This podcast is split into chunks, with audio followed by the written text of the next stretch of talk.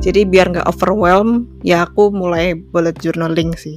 Kayak pingin punya sesuatu yang si future Reina itu akan berterima kasih. Eh, thanks ya udah dicatetin. Hari ini ngerjain apa ya? Kok gue berasa nggak ngerjain apa-apa ya? Padahal banyak gitu kan. Jadi aku lebih mendiscover manfaatnya setelah setiap hari melakukan itu gitu.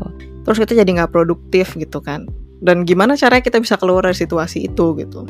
Itu aku ada istilah metodenya namanya most important task. Aku lebih mudah menyampaikan mengekspresikan diri itu dalam tulisan.